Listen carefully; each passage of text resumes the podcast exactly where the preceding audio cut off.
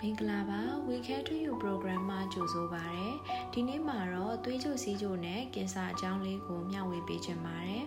။လေးလာတွေ့ရှိချက်တွေအရသွေးကြိုစီးကြိုရှိသူ20ရာခိုင်နှုန်းခန့်တွင်ကင်ဆာရောဂါရှိကြပါတယ်။ကင်ဆာဆိုတာကတော့ခန္ဓာကိုယ်တွင်းမှာပုံမှန်မဟုတ်တဲ့ဆဲတွေပွားရင်ပွားရင်ဖြစ်ပေါ်လာတဲ့မြပွားနာအလုံးကျိတ်ပဲဖြစ်ပါတယ်။လူကြီးမင်းတွင်သွေးကြိုစီးကြိုရှိလျင်အချို့သောကင်ဆာများဖြစ်ပွားနိုင်ခြေရှိပါတယ်။ အမျိုးအစားတစ်သွေးကြိုစီးကြိုသမားများသည်တအိမ်ကောင်းကင်ဆာနှင့်အစာအိမ်ကင်ဆာများဖြစ်နိုင်ခြင်းရှိပါသည်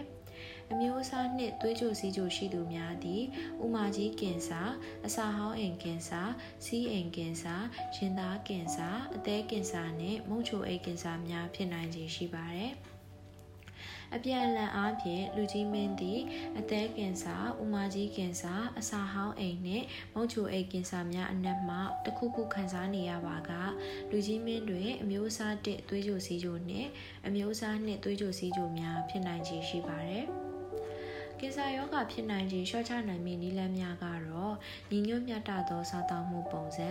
ကိုယ်လက်လှုပ်ရှားမှုရှိခြင်းကျန်းမာသောကိုယ်အလေးချိန်ရှိခြင်းလုံလောက်သောအိပ်စက်မှုနှင့်စိတ်လိပ်ဖြတ်ခြင်းတို့ပဲဖြစ်ပါတယ်ဒီအပြင်ကင်ဆာကုသမှုများသည့်သွေးရင်းတကြားတဲ့အပေါ်တက်ရောက်မှုများစွာရှိပါတယ်။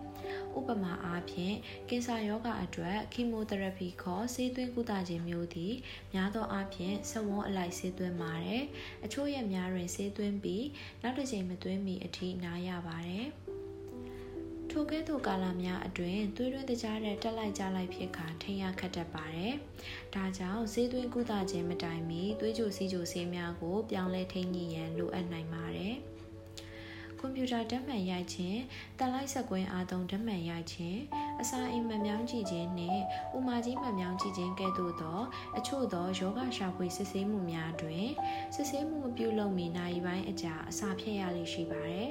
ထိုကဲ့သို့စစ်ဆေးမှုများမပြုလုပ်မီလူကြီးမင်းဤဆရာဝန်သို့မဟုတ်ကျန်းမာရေးဆောင်ရှားမှုပေးသူတူဦးကိုလူကြီးမင်းတွင်သွေးကြိုစီးကြိုရှိကြောင်းအသိပေးထားရပါမယ်။တောက်သုံးနေသောသွေးကြိုစီးကြိုဆေးများရှိလျက်လည်းပြည်သည့်အချိန်တွင်တောက်ရမည်ကိုမေးမြန်းထားပါ။ဖြစ်နိုင်ရင်စစ်ဆေးမှုများအတွက်လူကြီးမင်းကိုဦးစားပေးက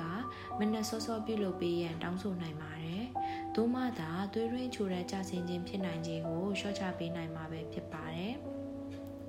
အနှစ်ချုပ်ဆိုရတော့သွေးကြိုစီးကြိုနဲ့ဟန်ကျဲညီအောင်နေထိုင်နိုင်ရန်ခက်ခဲပါတယ်။ကင်ဆာရောဂါကုသမှုခံယူရသည်မှာလည်းမလွယ်ကူပါ။သွေးကြိုစီးကြိုနဲ့ကင်ဆာနှမျိုးတွဲလျင်ပို၍ပင်ထိန်းညှိရခက်တတ်ပါတယ်။ဒါကြောင့်တင်ဤသွေးကြိုစီးကြိုဆရာဝန်ကြီးနဲ့ကင်ဆာဆရာဝန်ကြီးတို့နဲ့တေချာစွာတိုင်ပင်ဆွေးနွေးညှိနှိုင်းကုသရန်လိုအပ်ပါတယ်။